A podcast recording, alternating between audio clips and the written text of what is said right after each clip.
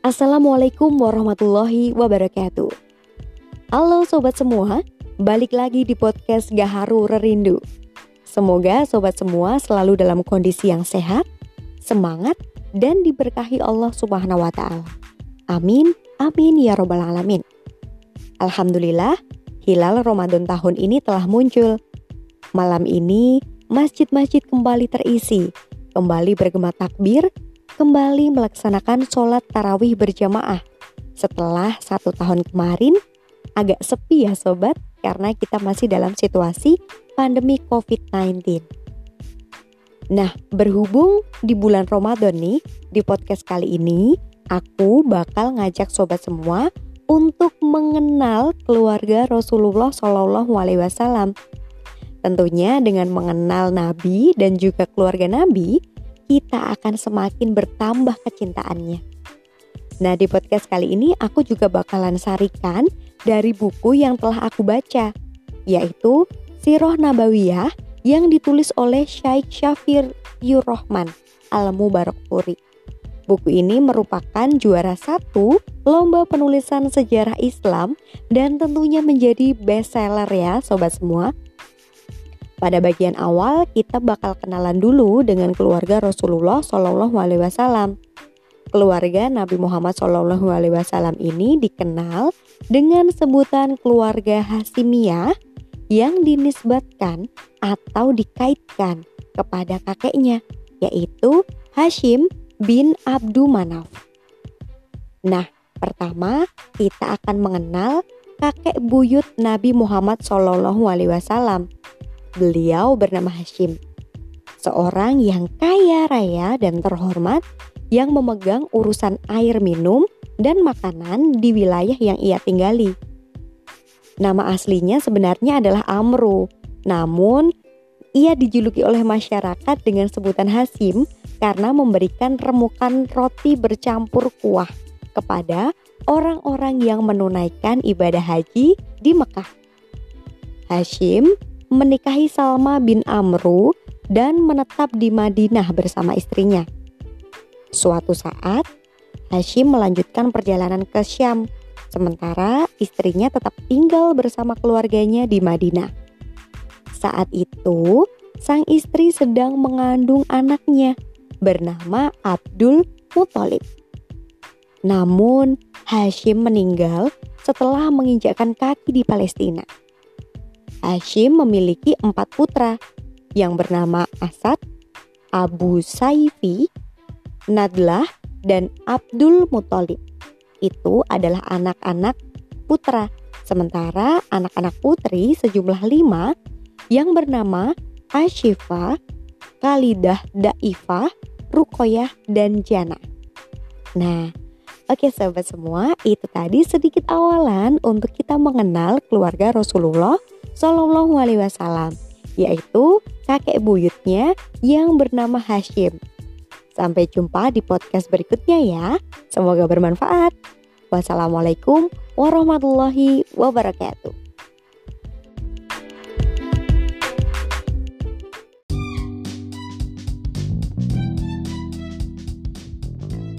Assalamualaikum warahmatullahi wabarakatuh. Selamat datang di kelas Bahasa Indonesia Belajar bareng Bu Ira. Nah, teman-teman semua, seneng banget ya kali ini kita bisa ketemu lagi, ngobrol-ngobrol lagi dan tentunya kali ini berbeda dengan pembelajaran sebelum-sebelumnya gitu ya.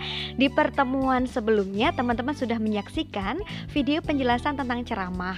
Kemudian teman-teman juga sudah menuliskan beberapa pertanyaan terkait dengan ceramah. Nah, di podcast kali ini kita bakalan ulas dan jawab beberapa pertanyaan yang udah teman-teman ajukan di Google Classroom. Langsung aja ya, tanpa lama-lama. Ini ada pertanyaan pertama dari Timothy Louis Barus nih. Apakah KBM juga termasuk ceramah karena disampaikan oleh ahli atau guru dan juga interaktif? Nah, sebenarnya pertanyaan dari Timothy ini sama halnya dengan pertanyaan yang diajukan oleh Sabrina Guntara. gitu ya. Jadi pertanyaannya gini teman-teman. Kita sering menganggap ceramah sebagai kegiatan di masjid dan tempat beribadah lainnya. Namun dengan pengertian ceramah memberikan ilmu pengetahuan, apakah kegiatan mengajar di sekolah juga disebut ceramah? Nah, oke, okay. kali ini Bu Ira bakalan jawab sebenarnya ini tergantung gitu ya teman-teman ya. Gimana Bu kok tergantung? Dalam pembelajaran di kelas itu kan kompleks banget ya, aktivitasnya tuh banyak. Kita bisa diskusi, ada games, brainstorming dan masih banyak hal dalam pembelajaran itu. Tapi dalam proses pembelajaran biasanya bisa kita jumpai juga ceramah. Nah, misalnya saat guru menjelaskan satu materi tertentu, kemudian siswa memberikan respons terkait penyampaian materi itu atau memberikan feedback atau memberikan pertanyaan. Nah, itu sesi itu bisa dikatakan sebagai ceramah, gitu ya. Kemudian nih ada pertanyaan berikutnya dari Olivia Fadia Marza apa perbedaan dari kata kerja mental afeksi dan kognisi oke ini langsung ke kaidah kebahasaannya ya teman-teman ya berarti ya nah untuk kata kerja mental ini sebenarnya kita juga harus mengingat bahwa um, banyak sebenarnya yang masih kebingungan gitu ya.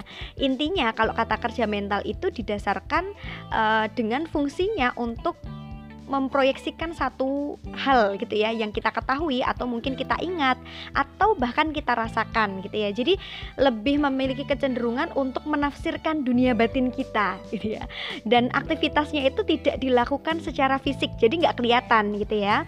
Nah, misalnya kalau kata kerja mental afeksi, afeksi itu berkenaan dengan sikap bagaimana seseorang men menyikapi sesuatu hal atau sesuatu fenomena tertentu. Nah, misalnya atau contohnya mengkhawatirkan, menyukai, mencemaskan, mencintai, membenci dan masih banyak lainnya. Itu berkaitan dengan sikap kita gitu ya. Sikap kita terhadap uh, orang lain atau satu kondisi tertentu. Sementara untuk kata kerja mental kognisi yang namanya kognisi mungkin diambil dari kognitif sifatnya gitu ya. Nah, ini berkenaan dengan aktivitas berpikir. Nah, misalnya um, ya berpikir itu sendiri kemudian memahami mengerti gitu ya. Nah uh, itu bisa dikatakan sebagai mental kognisi. Cukup jelas ya teman-teman ya perbedaannya ya sekarang ya. Lanjut deh. Ini ada pertanyaan dari Dinda Badranova mengapa jenis teks yang dianggap dapat diaplikasikan pada praktik ceramah adalah eksposisi dan eksplanasi. Nah, adakah teks lain yang dapat menggantikannya? Nah, ini juga pertanyaan yang menarik gitu ya, teman-teman ya. Seperti rumus di awal bahwa ceramah itu memiliki tujuan untuk menyampaikan informasi gitu ya ke kalian umum. Biasanya ini berkenaan dengan pengetahuan gitu kan. Nah, selaras dengan kontennya atau isi dari kedua jenis teks e, tersebut yaitu teks eksposisi dan eksplanasi itu kan ulasannya tentang pengetahuan dan juga fenomena tertentu gitu ya menambah wawasan baru dari audiens gitu. Makanya itu yang paling dekat uh, untuk bisa digunakan sebagai konten dari ceramah kita. Lalu bisa nggak kalau misalnya kita uh, memasukkan dari teks um, misalnya prosedur gitu ya bisa banget boleh banget nggak ada larangan terkait itu hanya saya mengaitkan yang terdekat itu adalah eksposisi dan eksplanasi gitu karena isinya kan menyampaikan menginformasikan gitu yang penting uh, dari misalnya pengen ngambil dari teks prosedur. Nah, itu nanti disesuaikan gitu ya sebagai pelengkap gitu kan teman-teman ya. Pelengkap dalam ceramah kalian gitu. Jadi uh, pro, apa namanya? Strukturnya itu juga harus sesuai dengan struktur teks e, ceramah gitu. Aman ya sampai di sini ya. Lanjut nih, ada pertanyaan dari Dinda Safa Kamila. Nah, izin bertanya Bu, bagaimana jika informasi yang kita sampaikan tidak aktual? Apakah masih dapat disebut ceramah gitu ya? Selagi itu masih sesuai strukturnya, kemudian um, sesuai dengan kaidah kebahasaannya juga um, sesuai juga dengan karakteristiknya maka itu bisa disebut dengan ceramah gitu. Nah, misalnya uh, kenapa kok harus aktual topik ceramahnya? Nah, ini sebenarnya difungsikan untuk menambah ketertarikan juga gitu ya. Jadi uh, gimana bisa menjadikan daya tarik audiens untuk menyimak gitu ya, menyimak apa yang uh, dipaparkan dalam ceramah itu. Nah, misalnya nih kita pengen ngulas topik yang udah lalu gitu ya. Um, misalnya tentang Kartini atau emansipasi wanita atau nilai-nilai perjuangan wanita misalnya gitu. Itu kan udah oh ya kayaknya udah ketinggalan zaman deh gitu kan. Nah itu kan nggak aktual dong. Nah kenapa enggak kita itu membuat uh, satu topik yang itu menarik juga untuk didengar? Untuk di uh, ini ya di didengar oleh audiens gitu. Nah, kita uh, bisa kaitkan dengan kondisi saat ini gitu. Misalnya tadi kalau emansipasi wanita atau Kartini gitu ya. Kita ambil tajuk Kartini milenial. Nah, atau mungkin Kartini milenial melek pendidikan gitu kan. Nah, itu kan tajuk-tajuk yang kekinian juga gitu. Kemudian uh, sebenarnya itu bergantung pada redaksi yang kita suguhkan gitu ya. Jadi meskipun topik itu udah usang, tapi kalau kita menambahkan, membumbui gitu ya dengan kondisi saat ini, maka itu bisa juga dikatakan sebagai aktual atau kekinian banget. Kan milenial kan lagi eh, baru-baru hype sekarang aja gitu kan. Yang kemarin-kemarin kan belum gitu kan. Nah, itu salah satu bentuk aktualisasinya. Gitu. Lanjut ya, teman-teman ya. Ada pertanyaan nih dari Justisia Nur Rafida. Oke, berdasarkan literatur yang saya baca, salah satu tujuan ceramah yaitu persuasif atau mengajak pendengar. Namun, saya juga e, menemukan definisi pidato, yakni pembicaraan di depan umum yang cenderung bersifat persuasif. Lalu, sebenarnya apa sih yang membedakan di antara keduanya, gitu ya? Oke, berarti ini kan e, menanyakan perbedaan antara pidato dan ceramah. Kan sama-sama uh, persuasif terus bedanya di mana sih gitu ya letak perbedaannya. Oke penanda paling sederhana ya teman-teman ya kita bisa amati uh, ada tidaknya respons dari audiens.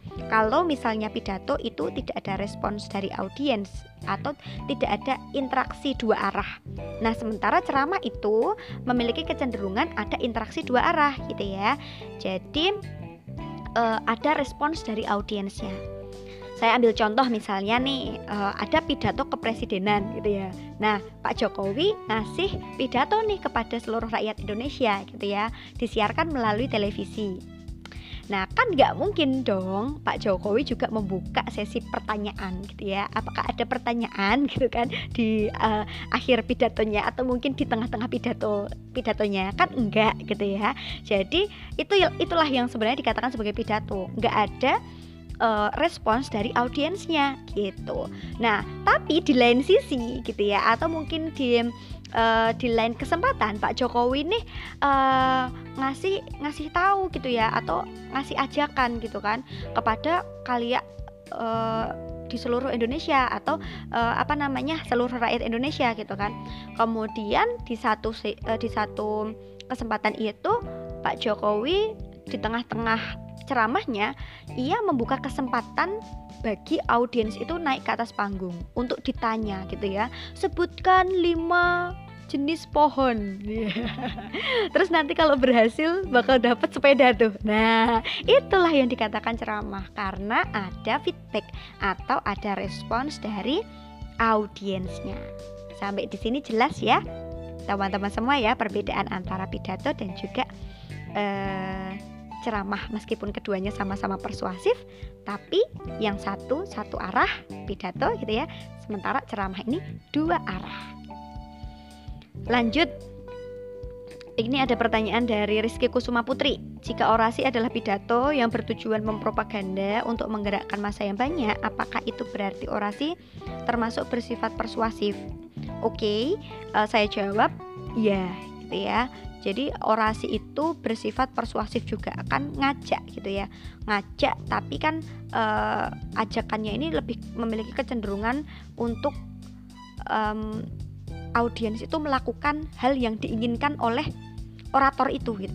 Nah, kalau orasi kan orangnya orator, kalau ceramah penceramah gitu ya. Nah, itu teman-teman. Jadi misalnya kalau teman-teman orasi nih untuk ayo kita um, kita misalnya pemilihan ketua osis gitu kan itu kan jadi orasi kalian kan memberikan orasi. Itu kan memberikan ajakan. Uh, ajakannya itu kan menggerakkan masa untuk memilih saya sebagai ketua osis misalnya. Nah itu. Itu sifatnya juga persuasif. Nah lanjut ada pertanyaan dari Nadif Favian Garadaiva Ahmad. Nah ini banyak V nya ya Nadif tuh Apakah ceramah juga bisa disebut propaganda karena sama-sama menyampaikan informasi yang bertujuan persuasif kepada orang lain? Nah, ini kalau ini berkaitan dengan tujuannya berarti ya. Kalau orasi tentu tujuannya bersifat mempropaganda atau mengajak orang lain itu supaya sesuai dengan apa yang kita minta gitu atau melakukan hal yang kita inginkan. Nah, sesuai keinginan kita. Misalnya tadi tuh uh, pemilihan ketua OSIS. Nah, pasti bakal calon ketua OSIS bakal diminta orasi tuh gitu ya. Untuk apa? Untuk menggalang masa agar banyak yang memilihnya. Persuasif nggak tuh? Nah, iya persuasif gitu ya. Lalu kalau ceramah gimana? Nah kalau ceramah ini tidak ada tujuan untuk menggalang masa yang banyak gitu ya. E, tujuannya untuk menginformasikan atau membagikan pengetahuan kepada khaliak umum atau khaliak banyak gitu. Misalnya kepala sekolah melakukan ceramah saat um, upacara bendera gitu ya, dan itu kan mengajak seluruh komponen seluruh uh, warga di sekolah untuk menjaga kebersihan lingkungan. Nah, itu kan juga persuasif gak sih gitu ya atau persuasi nggak gitu kan? Iya gitu ya, ada ajakannya. Gitu. Bisa dipahami ya, teman-teman ya. Lanjut nih, ada pertanyaan berikutnya dari Andi Farhan Hidayat. Izin bertanya Bu, berdasarkan format penyajiannya, informasi kan dibagi menjadi tiga ya, e, yaitu tulisan, gambar, dan lisan. Jadi pertanyaannya adalah, apakah bisa ceramah, khotbah, dan orasi disampaikan melalui format penyajian selain lisan Bu? Jadi hanya menggunakan format tulisan, gambar, ataupun keduanya kalau ini sebenarnya esensi dari ketiganya adalah keterampilan berbicara gitu ya. Jadi keberadaan tulisan gambar itu bisa digunakan sebagai sarana pelengkap aja gitu ya saat kita ceramah. Misal nih teman-teman mau kasih ceramah tentang COVID, nah terus bawa gambar tuh tentang perkembangan COVID gitu ya, atau peta dunia e, tentang persebaran COVID itu gitu. Nah itu gambar itu dipergunakan untuk memperjelas e, bayangan audiens gitu aman ya berarti lebih diutamakan ke lisan karena termasuk keterampilan berbicara. Lanjut masih dari pertanyaan rekan-rekan kalian. Ini ada pertanyaan dari Edi Hen Rizal apakah ceramah boleh menggunakan bahasa informal? Boleh banget gitu ya karena um, itu bisa disesuaikan dan tergantung dengan um, konteksnya atau juga sasarannya gitu ya atau audiens kita itu siapa sih gitu. Nah, memang kalau e, ceramah kita boleh gitu ya menggunakan bahasa atau e, ya bahasa yang informal gitu supaya tidak terkesan membosankan atau terkesan kaku gitu. Nah, ini juga boleh teman-teman sisipkan pantun-pantun, sisipkan uh, ini ya cerita lucu gitu-gitu boleh banget gitu ya karena uh, tujuan dari penyampaian ceramah ini sebenarnya ada tiga hal informatif, rekreatif dan persuasif gitu ya. Jadi yang informatif tadi mungkin uh, bisa kita gunakan bahasa-bahasa yang uh, lebih formal gitu ya. Tergantung sasaran juga sih. Kalau informal juga bisa. Kalau rekreatif itu kan agak biar refresh gitu ya. Makanya itu kan bisa kita im, apa sisipkan materi-materi yang lucu gitu ya atau pengalaman-pengalaman. Nah itu kan informal biasanya. Gitu. Jadi boleh gitu ya. Apalagi kalau misalnya kalian pengen ceramah ke anak-anak. Nah, atau ke adik-adik yang usianya lebih rendah lah dibalik, eh, lebih muda lah gitu ya dibandingkan teman-teman. Bisa banget gitu Lanjut ini ada pertanyaan dari Muhammad Fatihul Ihsan, apakah teks ceramah memiliki jenis? Nah, ini mungkin akan berkaitan dengan pertanyaan dengan Yasmina Raihani Faiza ya. Apa saja metode dalam penyampaian ceramah gitu. Nah, kalau jenis ini mungkin lebih bisa kita kategorikan juga sebagai pengelompokan berdasarkan metodenya ya, teman-teman ya. Ada dua jenis nih uh, di sini gitu ya. Yang pertama impromptu impromptu itu seperti apa sih gitu ya? Jadi ceramah itu secara spontan uh, apa adanya langsung ngalir gitu ya? Nggak ada persiapan khusus gitu ya? Tiba-tiba ditunjuk aja untuk ceramah dong gitu. Nah di sini uh, emang si penceramah benar-benar diuji gitu ya teman-teman ya? Karena uh, harus bisa memahami betul gitu ya siapa audiensnya terus topiknya mau apa. Nah kayak gitu. Terus jenis yang kedua pakai metode ekstemporan. Nah ini apa ekstemporan itu ya kita nulis dulu baik itu nulis garis besarnya doang uh, yang mau kita sampaikan saat ceramah nanti atau mungkin malah keseluruhan teks secara utuh gitu ya. Jadi eh, malah justru banyak orang itu menghafalkannya. Nah, itu yang dikatakan sebagai ekstemporan. Lanjut. Hmm, aduh minum-minum dulu boleh ya teman-teman ya. Puasa bu gitu ya. Oke lanjut ya pertanyaan dari Arya Widiantama. Bagaimana tahapan penyusunan teks ceramah yang baik dan benar? Oke, um, ini sebenarnya uh, kita harus paham betul konteks ceramahnya itu seperti apa. Kita harus kenal gitu ya. Kita kayak tahu posisi diri kita gitu teman-teman. Kita tuh mau bicara sama siapa sih? Dalam kondisi seperti apa? Dalam suasana bagaimana? Dalam acara apa? Nah audiensnya itu siapa? Umurnya berapa? Segi ekonominya seperti apa? Sosialnya seperti apa? Kan nggak mungkin kita nanti pakai bahasa-bahasa yang tinggi sementara ceramah kita tuh kepada bapak ibu RT di di lingkungan uh, kita tinggal gitu kan. Itu kan eh, nggak uh, mungkin gitu ya nggak mungkin atau sulit berterima gitu. Nah jadi kita yang hal yang pertama emang kalau kita mau ngebuat teks ceramah pun kita harus kenal dulu konteks ceramahnya itu mau ditujukan untuk siapa dan untuk apa gitu Kemudian kita tentuin tuh topik ceramahnya gitu ya. Pastikan kalau misalnya kita ceramah itu hal yang kita berikan tuh nggak useless gitu ya, atau terlalu ngadi-hadi. Pastikan itu ada nilai kebermanfaatannya gitu ya, yang bisa diambil gitu ya oleh orang lain atau audiens kita. Kemudian kita buat kerangka teksnya. Nah ini uh, berkaitan dengan garis besarnya apa aja sih? Nah, itu teman-teman akan lebih mudah ketika disesuaikan dengan struktur teks ceramah. Kemudian kita kumpulkan datanya gitu ya. Itu langkah keempat ya. Kumpulkan datanya. Gitu kan. Cari data yang relevan dari berbagai referensi, dari berbagai sumber yang tentunya itu kredibel loh ya. Nah, itu untuk disisipkan gitu ya ke dalam teks ceramah kita sebagai data-data yang mendukung. Karena kan sifatnya memang harus faktual kan gitu. Kemudian yang terakhir kita kembangkan kerangka itu. Jadi kita kita uh, perbanyak lagi gitu ya atau mungkin uh, perkaya lagi kalau ada kata-kata yang mungkin kurang enak ya nanti kita ubah kayak gitu. Itu sih kalau tahapan-tahapan menyusun teks ceramah ya. Lanjut pertanyaan berikutnya dari Ninta Naila Apakah boleh mengupas topik ceramah tidak dengan informasi yang bersifat fakta Tetapi hanya sebatas pendapat penceramah gitu ya Nah sebenarnya um, kalau dari ceramah itu kan penandanya atau karakteristik utamanya kan faktual gitu ya. Berarti basisnya fakta atau data. Ya paling enggak teman-teman harus berbicara tentang fakta atau data gitu Kemudian pertanyaan dari pria Abinaya, bagaimana struktur teks ceramah? Ini kan udah dipaparkan Pak di video ya Pak ya, Pak pria. Hmm.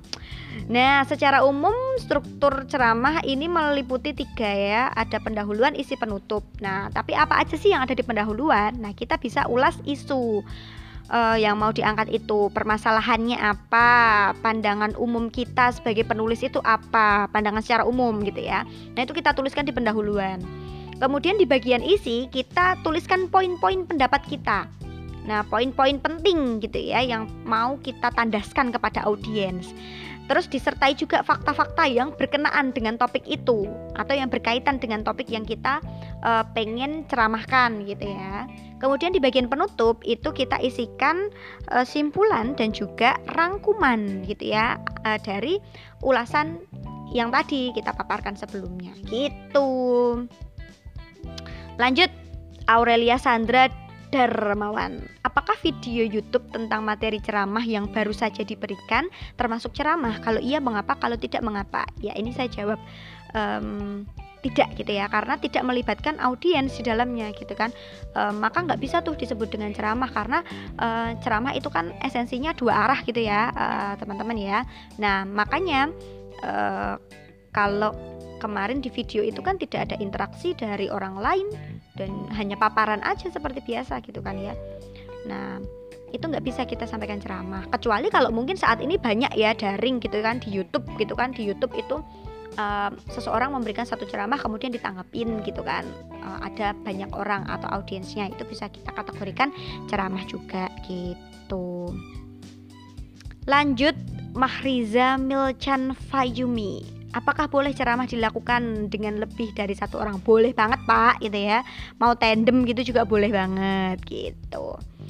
Terus nih lanjut. Ahdan Tahiyuddin Jauhari. Nah sesuai yang dijelaskan di video bahwa yang isi dalam ceramah harus bersifat faktual Bagaimana dengan ceramah yang berisi tentang hari kiamat padahal hal itu belum terjadi? ini ah dan tuh pertanyaannya uh, ini ya out of the box. Nah, tapi boleh itu kritis gitu ya.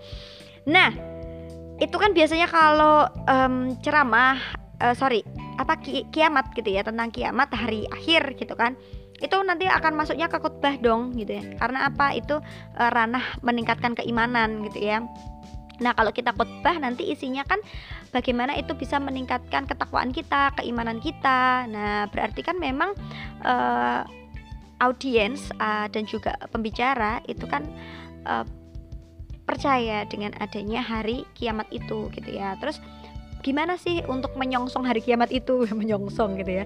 Jadi perbuatan apa aja yang bisa kita lakukan gitu ya uh, agar kita nanti siap uh, ketika kiamat itu kita kan ada fase-fase berikutnya ya kehidupan setelah kiamat ya.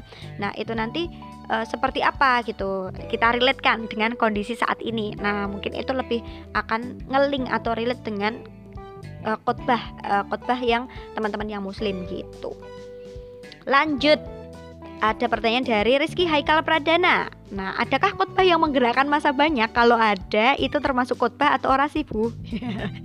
itu orasi ya, tetap kalau menggerakkan masa banyak karena uh, misalnya contohnya nih uh, pemilihan uh, rohis gitu ya atau pemilihan duta muslimah. Nah, itu kan kalian juga melakukan melakukan orasi gitu kan untuk uh, masa itu bisa memilih uh, kalian sebagai ketua rohisnya gitu. Lanjut pertanyaan dari Sena itu ya. Aduh panjang banget nih. Uh, Muhammad Zulfikar Afisena di salah satu bagian video terdapat penjelasan dari pidato, ceramah, khotbah, dan orasi. Penjelasan ceramah, khotbah, dan orasi semuanya diawali dengan pidato, sehingga saya pikir seperti variasi dari pidato. Setelah melihat itu, saya merasa pidato ini seperti nasi goreng. nasi goreng seafood, babat, telur, dan lain-lain dapat disamakan dengan ceramah, khotbah, orasi. Kedua kelompok tersebut tercipta dari satu komponen dasar, yaitu uh, contohnya nasi goreng seafood adalah nasi goreng yang ditambah bahan-bahan seafood dan khotbah adalah pidato yang menguraikan pelajaran agama. Jarang sekali ada orang yang makan nasi goreng yang tidak ada apa-apanya, cuma nasi dipanasin di wajan. nah, apakah hal tersebut juga berlaku untuk pidato? Apakah pidato ini hanya satu komponen dasar untuk dikembangkan gitu ya, jadi ceramah dan kawan-kawannya? Betul, Pak. Esensinya itu masuk ke ranahnya um, keterampilan berbicara. Nah, itu ada keterampilan berpidato. Nah, terus ada cabang-cabangnya. Kalau ditambah seafood dikit itu namanya ceramah gitu ya.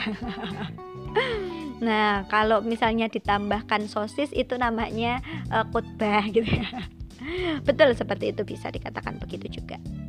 Gitu ya. Kemudian Keiza Lubna Sitanggang Apakah webinar termasuk dalam bentuk ceramah? Nah ini nggak termasuk ya Karena webinar itu masuknya kan itu kan seminar web gitu kan webinar itu seminar web. Nah seminar itu sendiri masuknya ke dalam ranah diskusi gitu. Nanti di ranah diskusi teman-teman bakal kenal dengan uh, diskusi panel. Ada seminar ada simposium. Terus apa lagi ya? Ada brainstorming gitu. Terus dan lain-lainnya gitu.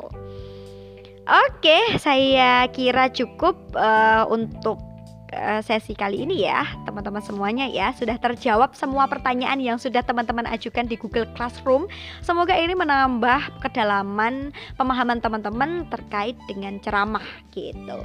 Dan nanti Eh, kita juga akan ulas lebih dalam mungkin di pertemuan selanjutnya atau di video atau bahkan di podcast berikutnya. Mari kita selalu semangat untuk belajar dan um, sampai jumpa. Wassalamualaikum warahmatullahi wabarakatuh.